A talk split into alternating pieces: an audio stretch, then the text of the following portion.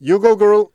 Kakšno je, to mi je zdaj padlo na pamet, ali je življenjska doba teh snemalnikov? Valjda, da je povezano z sceno, ne? Uh, ampak ne. ni. Mislim, tri do pet let, potem pa pač pa, pada sceno. Ne? Ampak uh, ja, ja. kot z vsako elektroniko. Samo tri do pet let, A, okay. vse, kar, mal... vse, kar stisneš več iz tega, je denar zaslužen direktno v tvoj žep. ok, pa bom pa pozorno na to, da vidim, kako smo dobro tole kupili. Uh, hvala za vod, Aljaš. Uh, podcast Met in Čaj je to, podcast o medijih, dobrih in slabih praksah, novih tehnologijah in trendih prihodnosti. Eh, Gosti pa v medijih delajo, z njimi živijo in v njih razmišljajo. Takšen koncept imamo eh, v bistvu skoraj čisto od začetka, ker eh, se nam zdi, a ne ali až pomembno, da v medijih razpravljamo z ljudmi, ki medije delajo. Ali pa so vsaj uh, ja, in, konzumenti aktivni. Tako, ali, in imajo o njih tudi kaj, da rečem, strukturnega in pametnega ne, zapovedati in dodati, olepšati ojačati, um, obogatiti debato. Ja, no, ta prekrasen glas, ki nas uvede v vsako epizodo, je glas Aljaža Pengova Bitenca, kapo di banda Radio Chaos. Ne?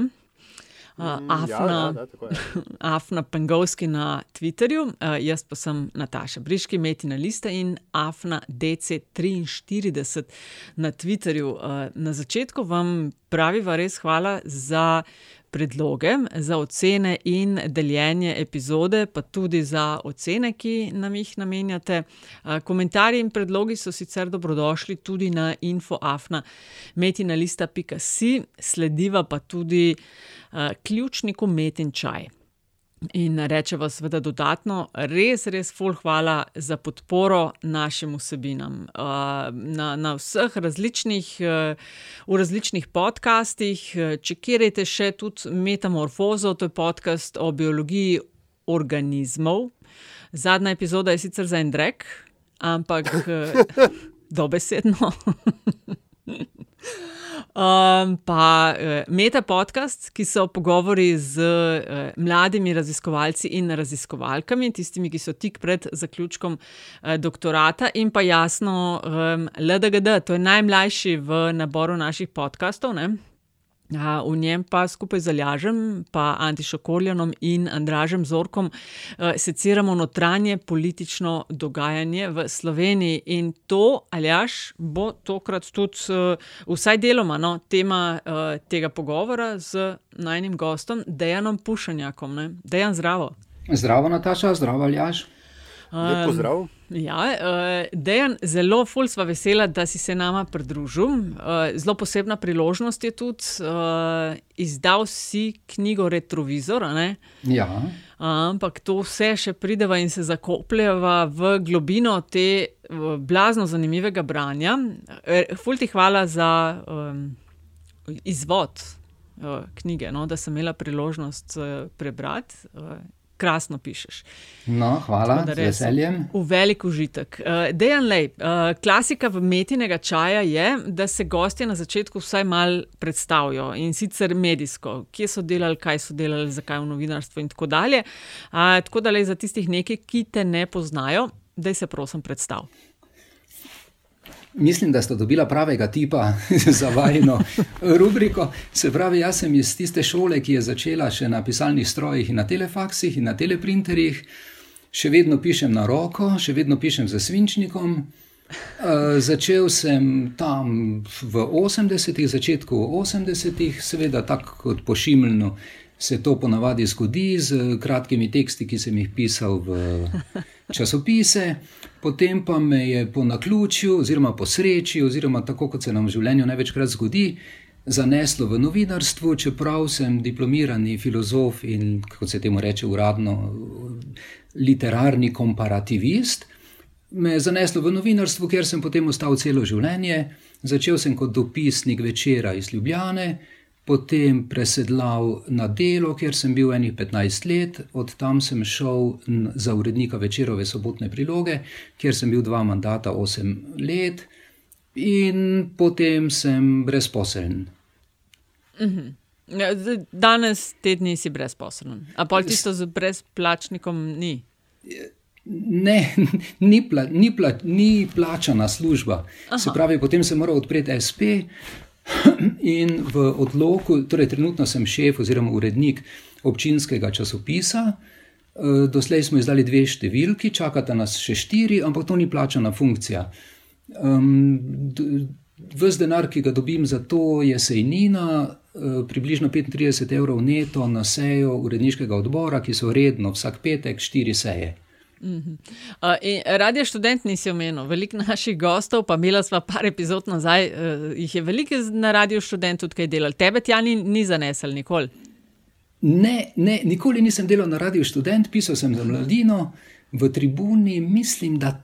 Ja, to se zdaj ne spomnim. Mogoče, ko je bil Boter urednik mladine, da sem objavil kak tekst, to se zdaj čisto natančno ne spomnim.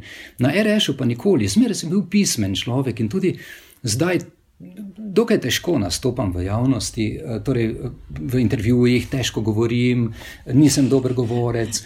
Pravzaprav sem celo življenje pisec. Ja, no, hvala, hvala. No, hvala, sem pa hvala. zastrigla, ne vem, če ljaš ti tudi, sem pa zastrigla, ko si omenil, da še pišeš s svinčnikom. Mislim, tako pač dejansko to veliko presej, ok, vsi verjeten, da si kakšne zapiske, ampak a to tudi kaj daljšega še pišeš s tem ali je to bolj tako, tisto, kaj je moleskin ali kaj že imajo tile, ki eh, ne vem, beležkice. A je to bolj te kategorije? V življenju sem eh, pr probal sigurno sto notesov. Kjerkoli sem bil, sem si kupoval notese, ampak moleskin, kakorkoli je to že tako popularno, moleskin je še vedno najboljši. A ga imaš ti tudi? ja, ja imam, imam, imam. Ampak v Sloveniji težko dobiš tega, v katere jaz pišem. Se pravi, majhen, broširane, torej mehke platnice. Eh, dnevni, eh, dnevnik mora biti ne tisti tedenski, ki se jih pri, ponavadi pri, pri nas prodajajo. Tako da jih naročim po spletu, moleskin. Čeprav je drag, se absolutno obrestuje, njegova največja vrednost pa je, da gre v zadnji žep kavbojk.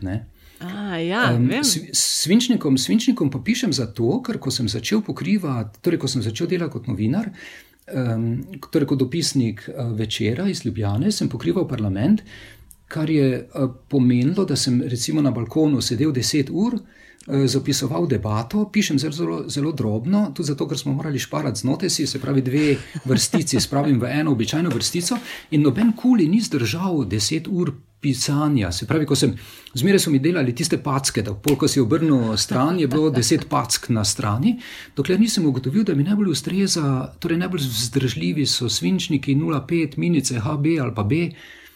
Um, pa, pa, pa, ja, pa rezervne, rez, zmeraj rezervni paket minic, valjda v torbici. Ne? To so stvari, ki bolj zdržijo. Lahko pišeš ure in ure, pa nobenih težav. Od takrat pišem, se pravi, 40 let že pišem za svinčnikom. Da, ne zdaj tega osebno vzeti, ne? ampak uh, mars ali pa uh, kot, kot, kot kritiko. Ne? Ampak marsikdo uh, bi rekel, da si uh, neke vrste dinozaver ne, v tem, v tem uh, pogledu.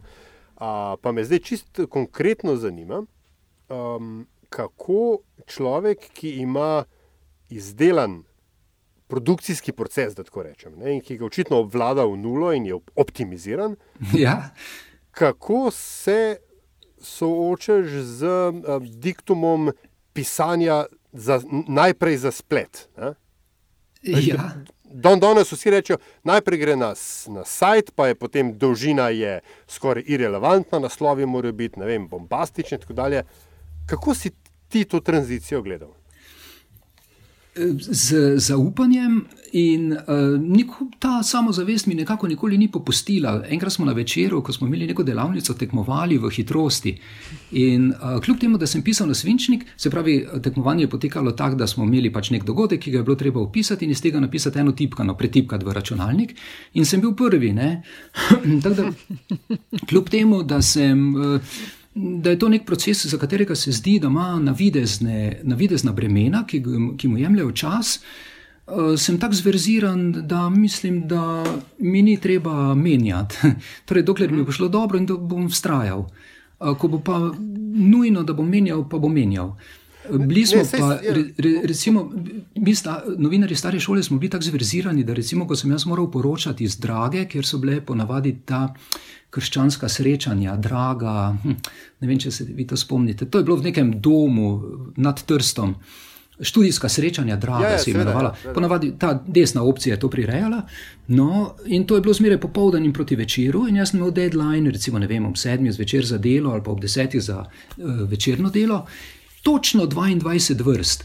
In sem cel popoldan spremljal debate, in potem, ko je bilo treba napisati 22 vrst, sem si moral na A4 napisati za roko besedilo, ki ga bom prebral v telefon, in sem falil, mogoče kdaj za kako vrsto, premalo ali pa preveč, ampak napisal sem točno 22 vrst. Se pravi, po dolgoletni praksi ti to nekako preide v roko ali v kri. Da točno obvladaš formate, eh, čas, pač skratka te osnovne kategorije, avtomatično se ti nekako vsedejo. Um, no, to je to, kar opisuješ zdaj, v bistvu novinarska obrt. To je, to je tisto, kar te na FDV-ju ne naučijo. Ne? Tudi ja. uh, mentor ne, v uredništvih samo nekaj, da pač človek se tega nauči na terenu. Zdaj pa eden od predpogojev za to, da takšen pristop deluje, je tudi predvidljivost okolja. Zdaj, če greš ti v parlament, ne, potem lahko približno si že zamisliš, kaj bo v članku. Ne? Veš, kakšna je tema, veš, kaj, približno veš, kaj bo rekel Jelinčič, približno veš, kaj bo rekel vem, Janša, veš, kaj bo rekel vem, Pahor, Fajon, kdorkoli je pač ne, tako dalje. In, se, in si stvari že strukturiraš.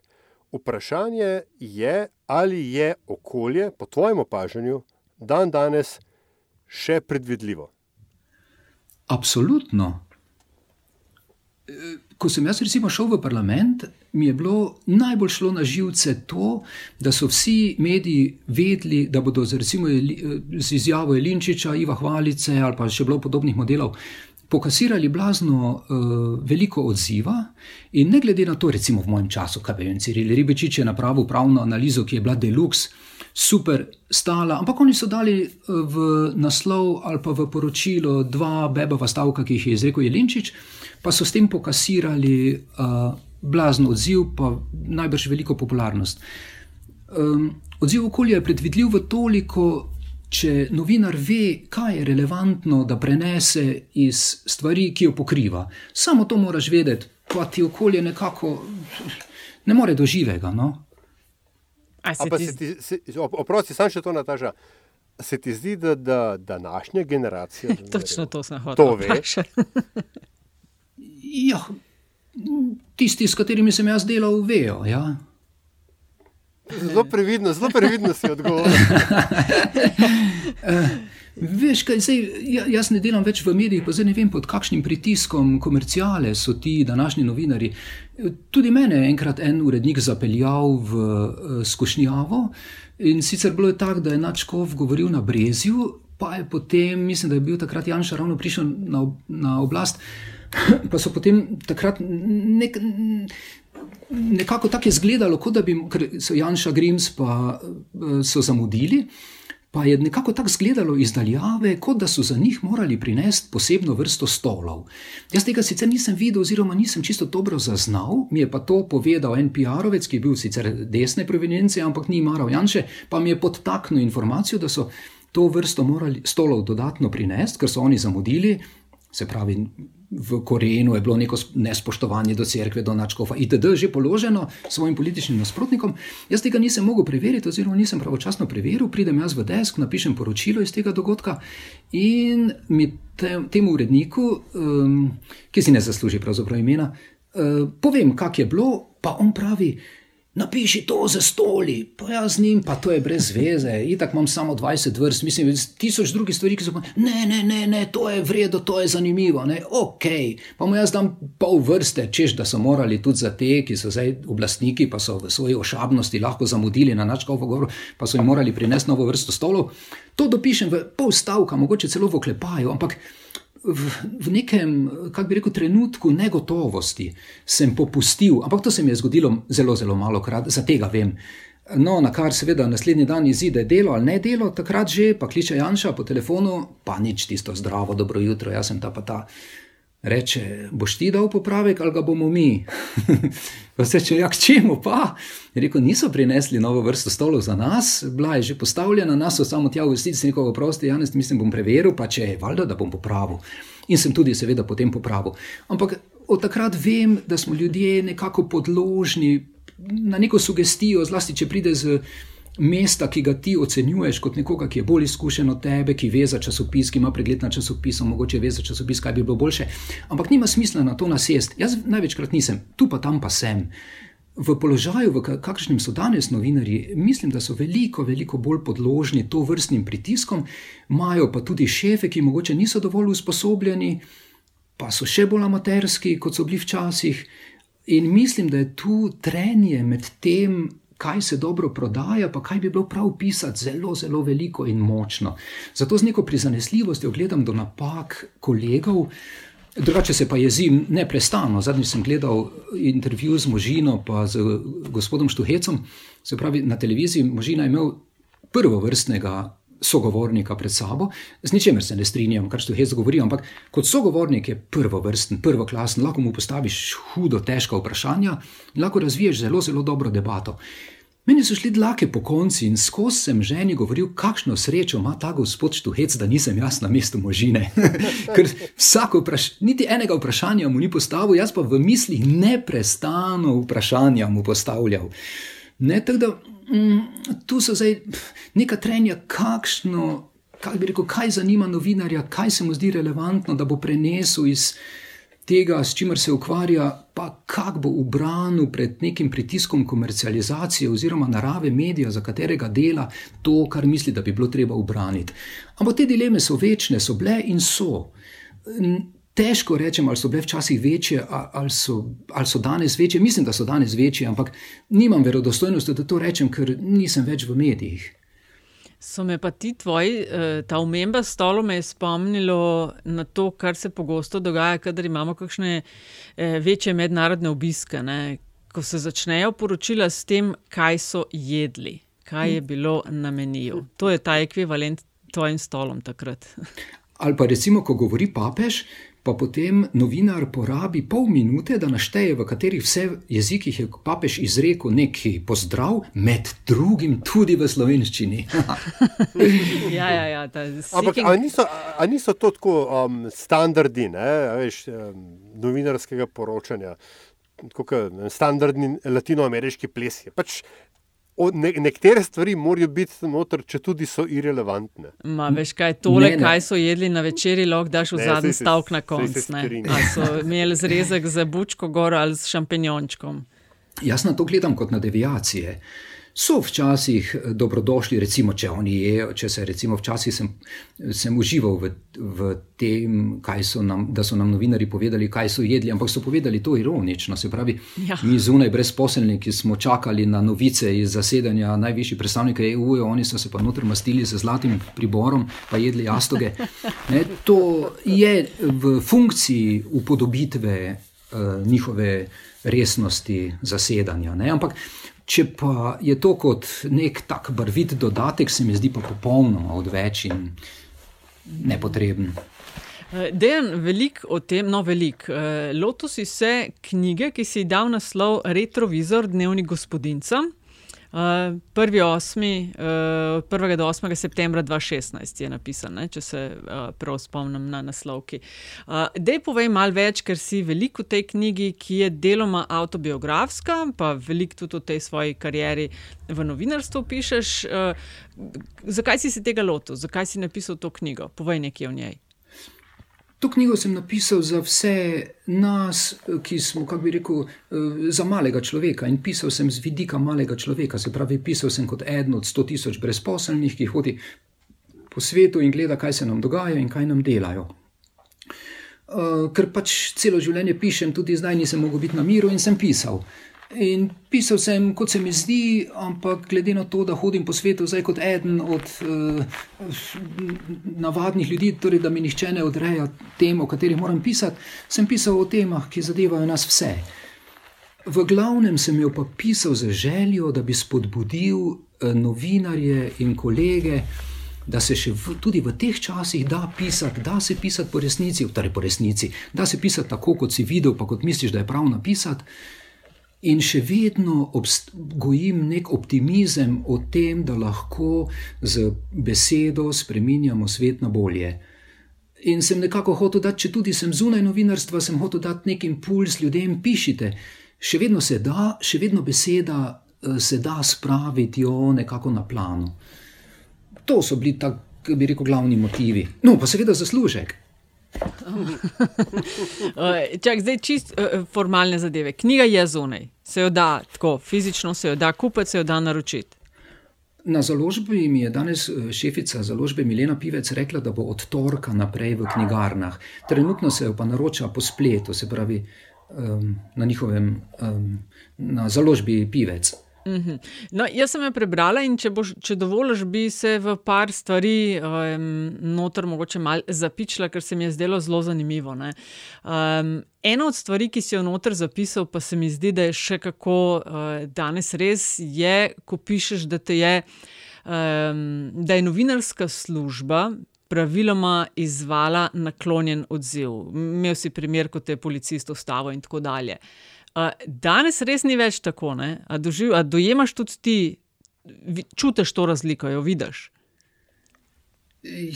Če spremljam eh, medije, jo vidim, ampak nestrpnost do novinarjev eh, z vidika oblastnikov, pa ljudi, ki so kritično obravnavani, je bila zmeraj enaka.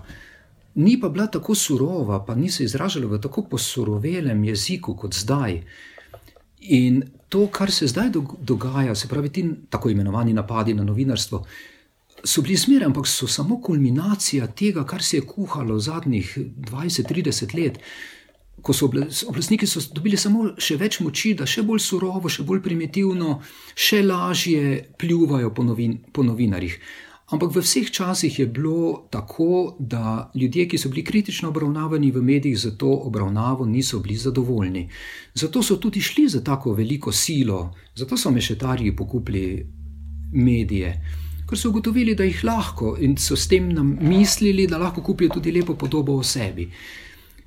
Mist, po mojih izkušnjah je novinarstvo še vedno visoko spoštovan poklic, vsekakor vis, veliko, veliko više od vseh teh, ki napadajo novinarstvo, se pravi, od vseh bankirjev, od vseh politikov, od vseh menedžerjev, smo gasilci, pa novinarji še vedno daleč.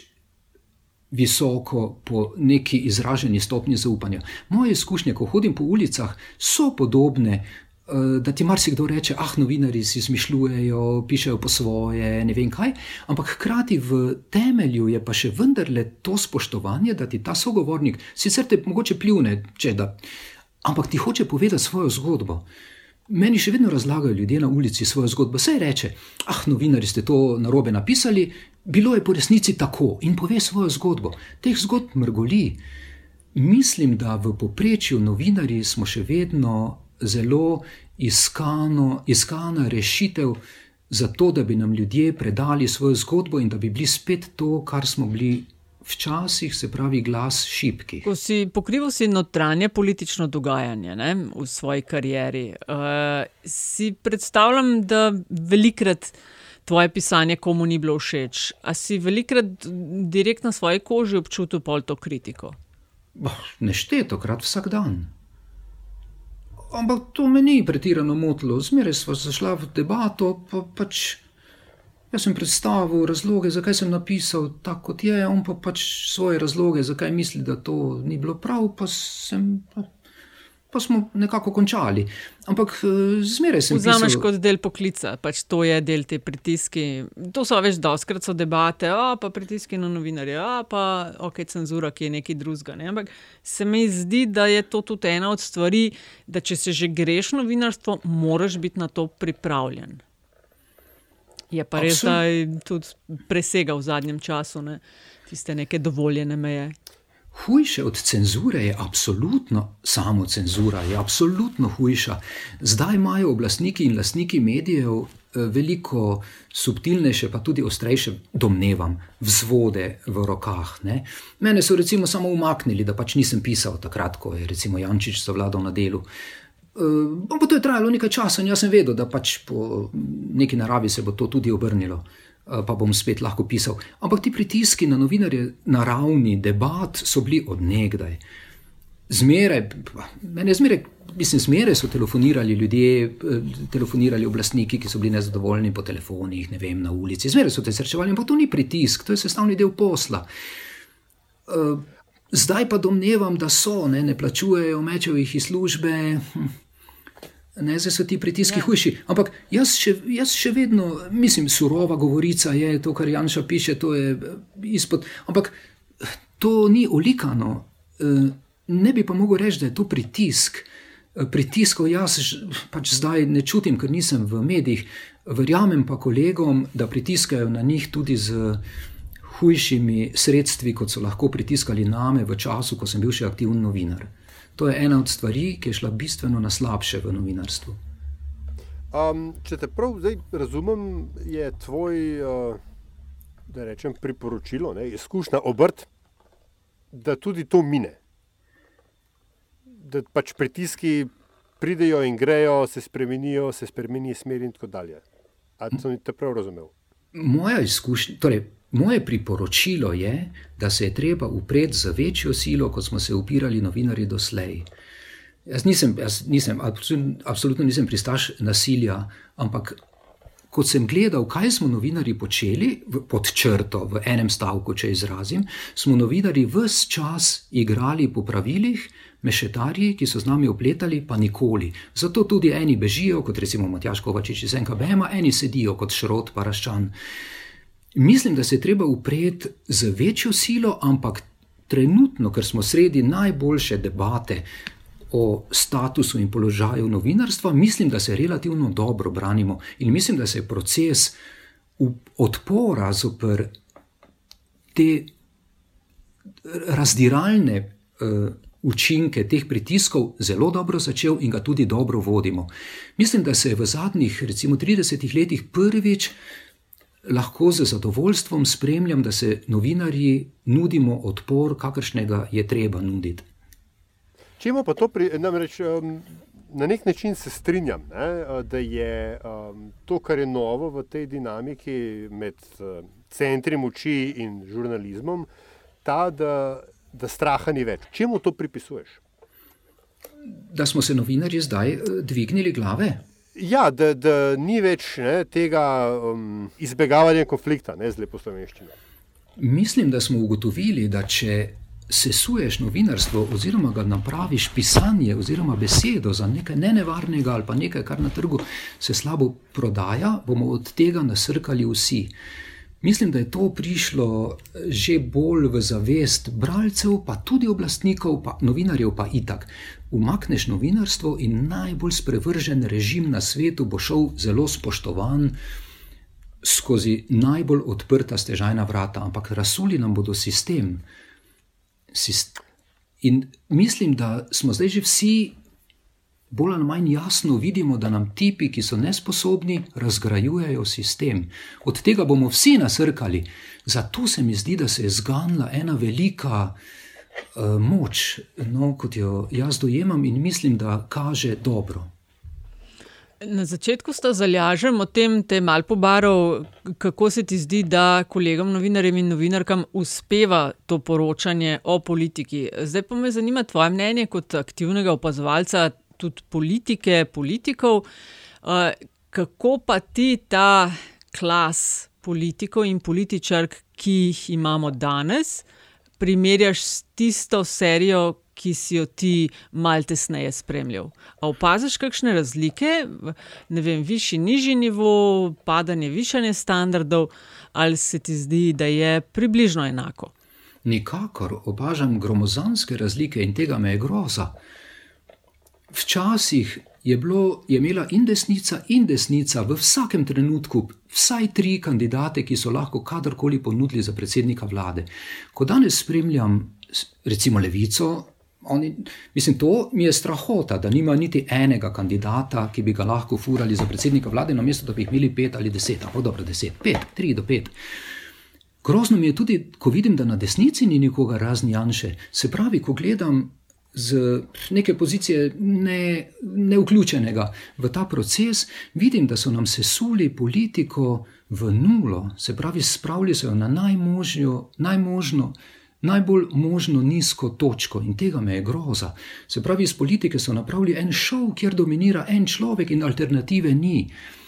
Tako slabo, kar se tiče političnega nivoja, ni bilo še nikoli. Ti si bil zraven in to pišeš tudi v knjigi uh, Prkopici zelo pomembnih zadev v zadnjih 30 letih. Ne? Eno vem, proces proti Janšu in četverici? Eh, potem vojna, ko si pomagal uh, kulturnikom, ljudem iz uh, ex-Jugoslavije, bil si zraven pri razgradnji uh, dela in tako dalje. Poleg politike si pokrival tudi odnos med državo uh, in cerkvijo. Z Janšo, kot pišeš, uh, si bil na ti. Ob aretaciji noter navajaš, da si ga obiskal v zaporu in mu zašepetal takrat, ne, uh, Janši, zdrži nekako zunaj vre. Zdaj, danes smo spet tam, tam nekje. Kaj bi mu danes zašepetal? vzami, men, vzami mene za svetovalca. Nisem, nisem ga obiskal, privedli so me oboroženi no. vojaki LA na zaslišanje. Takrat so zasliševali urednike študentskih glasil, za katere so domnevali, da so videli dokument.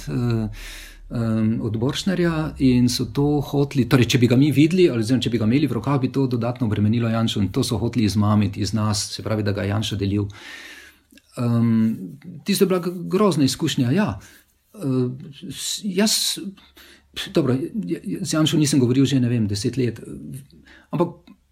Moja slika o njem je, da je to bil zelo, zelo inteligenten uh, mož, In veliko krivde, zdaj nisem dovolj strokovno usposobljen, da bi ga lahko ocenjeval uh, spremembo njegovih karakternih, značajskih, pa tudi uh, političnih ravnanj, oziroma njegovih osebnostnih sprememb, pa političnih ravnanj, lahko pa ocenjujem učinke, ki jih ima njegova politika. In veliko v stiku sem bil veliko krat z njegovimi. Priskledniki, ki so se bodi si izkoristili njegovo slavo, zato da so se uh, pritovorili na oblast, ali pa taki, ki so njegovi totalni fani, oziroma že kar fanatični sledilci, ki v njegovem imenu počnejo stvari, ki jih mogoče niti on ne bi. Se pravi, njegova politika je poslala v svet eno armado enih, kaj pa vem, kako bi jim rekel, malo sposobnih ljudi, ki mu ližejo rit na ta način, da počnejo še več, kot bi on sam hotel. Se pravi, so še bolj papeški od papeža, še bolj krvavi, še bolj nori. Ali to njemu imponira ali ne, ne vem. Potrebuje jih, izkorišča jih, to že vidim. Uh, mislim pa, da veliko pripisuje.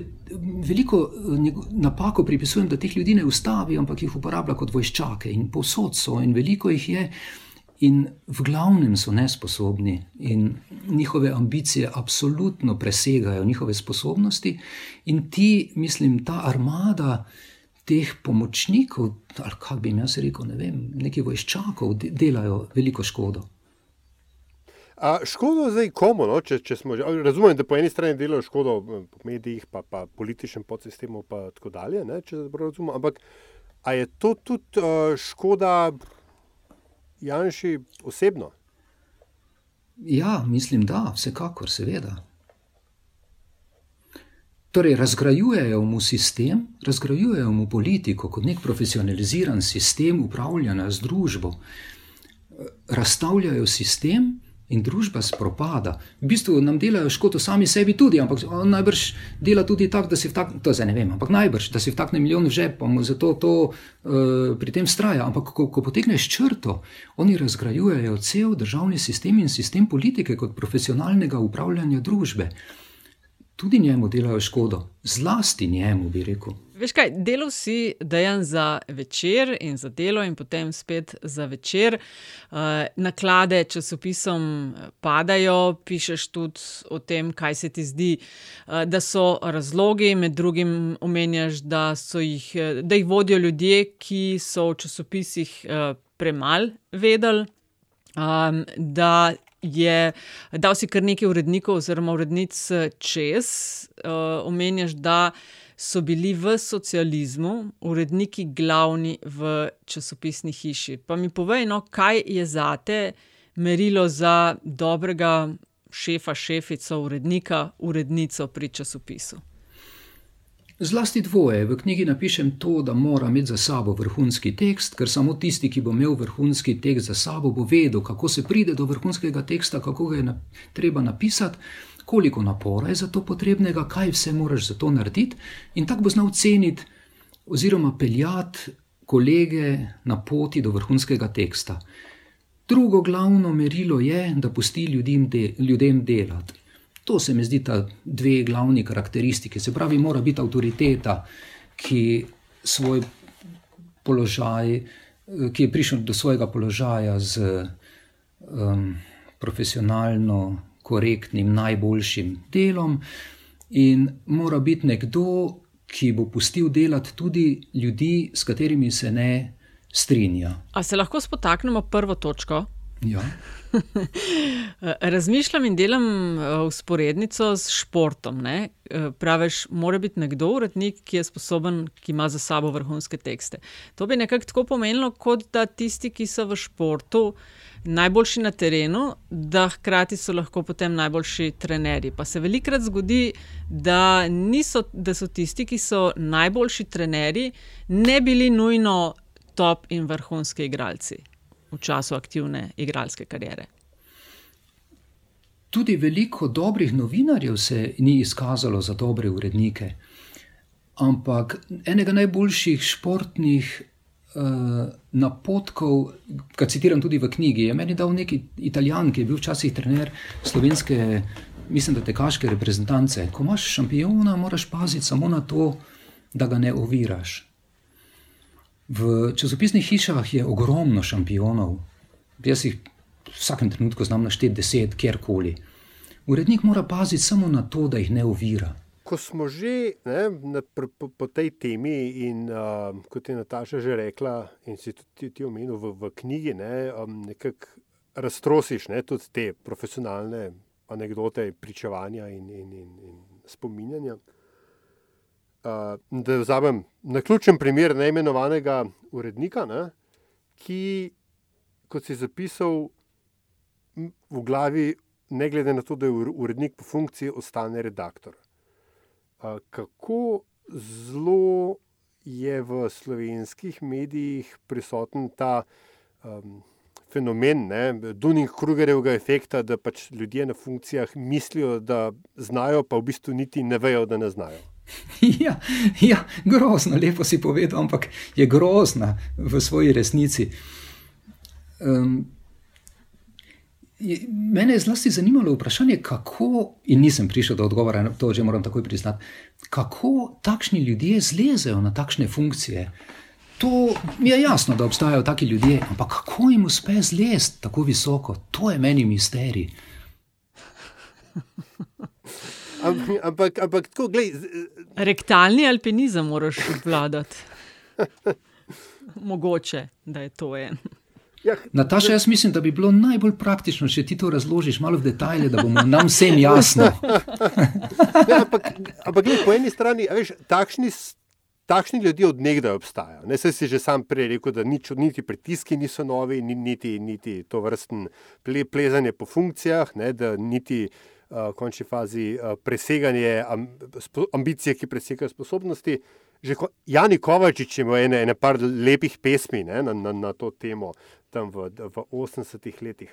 Ampak um, tisto, kar, kar jaz mogoče opažam, pa spet ne vem, ali je to novo, ali boš povedal, ali je to odvedno, da je kadrovski bazen, iz katerega mediji, oziroma se pravi, iz katerega prihajajo kadri v medijih, vedno bolj plitu in da je uspeh posameznika vedno bolj rezultat same, se pravi, to, te, tega, koliko daš samega sebe noter, da ni več tega mentorstva, da ni več, ne vem.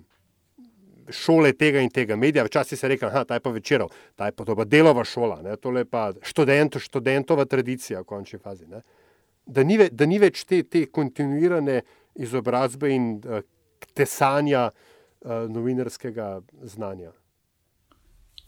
Ali jaš to ti bazen kadrovski ni plitek?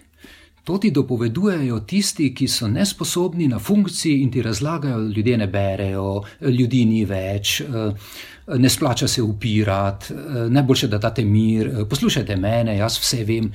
To nam sugerirajo non-stop tisti, ki ne znajo in ki so nesposobni, zato ker jih to ohranja na položajih. Ti preprečujejo, da bi se napolnil bazen in da zgleda bazen kot plitek. Jaz, ko hodim okoli ali pa recimo, ko kontaktiram z ljudmi, vidim maso ljudi, ki, so, ki pišejo izvrstno, samo ni, ne pridejo do glasu, zato ker jih ti dušijo. Res pa je, da je na veliko odločujočih funkcij zlezlo veliko stremuhov. To pa ja, kako se jih spravi od tam, ne vem, niti kako so zlezli do tja, ne vem. Ampak ne pristajam, ne morem se strinjati za to oceno, da je bazen ali kadrovski nabor plitek. Ogromno ljudi je, ki pišejo zelo, zelo dobro, ki pišejo tako, kot je prav, um, ki vidijo stvari, kako bi rekel, ne zdaj to v pravi luči, ni zdaj ravno pravi izraz, ampak ki odpirajo nove perspektive, za razliko od teh nesposobnih stremuhov, ki nam zapirajo perspektive, uničujejo alternative in dušijo dobre avtorje. Fulih je, zato pa je prevladujoč vtis v javnosti, kot da pf, nič drugega od tega, kar ni, sploh ni možno. Se pravi, od tega, da sem jaz tu, kjer sem, to je najboljše, kar lahko dobite, in to je to. Ni res. Bil si zelo intenzivno upet v ustvarjanje časopisov v eh, dveh zelo velikih medijih. Eh, A je to, da imaš zdaj, ne vem, pauzo ali pa tisto, kar si opisoval na začetku, pomeni, da te to več ne zanima? Ker noter, recimo, med drugim napišeš tudi, da so časopisi nastali kot orodje šibkih in da odkar so v rokah in lasti premožnih vplivnih, da se ti ne najdeš več tam. A to pomeni, da te več ne zanima delati v novinarstvu v časopisnem, ali da te sploh to ne zanima, ali bi šel v, ne vem, bolj audio, video. Kje si danes? Napisal sem en dolg novinarski tekst, ampak formo sem spremenil, se pravi, izdal sem ga v knjigi. Ampak v bistvu je moja knjiga en malo daljši, 400 strani dolg novinarski tekst. Se pravi, zamenjal sem obliko, kažem, da novinarstvo bo zmeraj preživelo. Zmeraj bodo potrebovali ljudje informacije, zmeraj bodo morali biti ljudje, ki bodo opisovali zanimive fenomene. Mislim, da je Ervin, to je moj prijatelj, enkrat rekel: dokler bo na, kar bo napisano, bo nekdo prebral. Samo formo sem zamenjal. Ne, časopisi v takšni lasniški konstelaciji, kot so zdaj, eh, se bodo težko izvili iz tega primeža, ampak se bodo. Uh, treba je pač mogoče zamenjati formo, pa počakati, da uh, se časopisi restaurirajo, mogoče ne v časopisni obliki. Uh, um, najbrž v digitalni različici, mislim, cel svet gre v to smer. Ampak um, osnovna struktura poslanstva ali pa poslanstvo naloga časopisov bo ostala. Kako pa izgleda tvoja medijska dieta? S katerimi uh, mediji se zbudiš, greš spat, kaj prebiraš čez dan? Ja, za me je, moral sem si na črno zrihtati uh, kode, da lahko spremljam časopise, ker so vsi zaklenjeni. To mi je grozno. Večer je bil dolgo časa vztrajal z odklenjenimi teksti in takrat mislim, da je imel ne vem, 200 tisoč obiskov, torej sanska številka, pol so zaklenili tudi oni. Tako da sem si zdaj na črno zrihtal, ne morem, ker sem brezposeln, brez dohodkov, si ne morem privoščiti naročnine na časopise, zato berem 24 ur, RTV Slo, torej MMC, MMC. MMC vse časopise prelistam, na Google News grem najprej, ko se zbudim. Um, ja, televizijo gledam nacionalko. A imaš kakšne priljubljene kanale, avtorje, tudi tu je, me zanima. Če... Ja, imam. Mislim, najraje grem gledati New York Times. Ampak tudi on ima ogromno tekstov zaklenjenih, pa samo da vidim strukturo, čemu oni posvečajo pozornost. No, to me, me tako zanima. Mm -hmm. Drugače pa med poročili še vedno najbolj cenim radio. Um, se pravi, zjutraj ob sedmih, če se le da, poslušam radio, ob enih obvezno, ob pol štirih največkrat, pa zvečer ob desetih gledam odmeve. Eh, to so še mi nekako za seznanjanje z domačo sceno, najbolj verodostojni kanali. Na internet pa nisem tako mrežen, da bi po internetu spremljal uh, te novičarske kanale. Uh, to, zdaj, to, bi, to bi mogoče zanimivo vprašanje. Se pomagamo, gremo počasi proti koncu, ker nas vendarle uh, ura že mečkam baše, ne? tukaj se vidi, da sem pa jaz radic. Um, Kam bo ta stvar, ki, jo danes rečemo žurnalizem, po tvoje šla? Pač imaš, imaš izjemen pregled, rekel si, začel si s pisalnimi stroji ne? in, in uh, si videl, kaj je tehnologija naredila dobrega in slabega, uh, kaj je kapitalizem naredil dobrega in slabega. Kje bo ta naš foh čez deset let, na pamet rečem? To si mi ali jaš postavil pretežko vprašanje. Tu, kjer je zdaj. Še vedno bomo hodili po svetu z odprtimi očmi, še vedno bomo opisovali stvari, ki se nam dogajajo prenašali zgodbe, ki nam jih pove, povedo ljudje, v teh zgodbah odkrivali neke zanimivosti in to še vedno bomo upravljali neko notranje kohezivno eh, vlogo v družbi. Ne glede na to, kakšna bo, bo to, jaz mislim, da bo to. Notranje prenašanje vedenja, v bistvu celo človeštvo temelji na prenosu vedenja. To si prenašamo in to si bomo počeli še gotovo tudi v prihodnje. Um, v kakšni obliki bo to potekalo, te, te, te, tega ne vem. Ampak knjige so že ena stvar, ki so se pokazale kot trajen uh, element prenosa znanja, dosežkov, zgodb, vedenja ne, v, skozi človeštvo. Tako da, po mojem, knjige že. Drugače pa, ko, to smo toliko krat, moj, moj največji tekmec um, je bil Sandy Frelich za radio. Um, uh -huh. Ko smo zmeraj tekmovali, kdo bo prvi objavil informacijo, tako tam me je veliko krat šišal, ampak ko je bilo treba napisati tekst, tam sem bil pa jaz veliko boljši, ker sem jim zmeraj imel samo 30 sekund za povedati. Pisni novinar pa lahko čveka 10 tisoč znakov, pa nikome ništa. Zdaj se je to tako povedal, da se me seveda spomnil na um, znani vers ne, pred dnevi preminulega Đorđa Balaševiča, ki je zapustil ta svet in ne mu bo lahka zemljica. Princip je isti, vse so ostalo nijanse. Ja, točno. Ja. Samo to je za onega petla, to je ja, ja, ja, ja, ja. je že to. Ja, ja, ja. Pustimo ja, detajle. Ja. ja, ok, ok. To, mislim, da Nataša bi znala kaj na to temo povedati. Um, zanimivost dejan je pa nekaj, no, kar smo pri detajlih. Ne, je pa nekaj, s čimer eh, končujeva zalažem metine čaje. Zelo sva res ti hvaležna, da si se nama pridružil.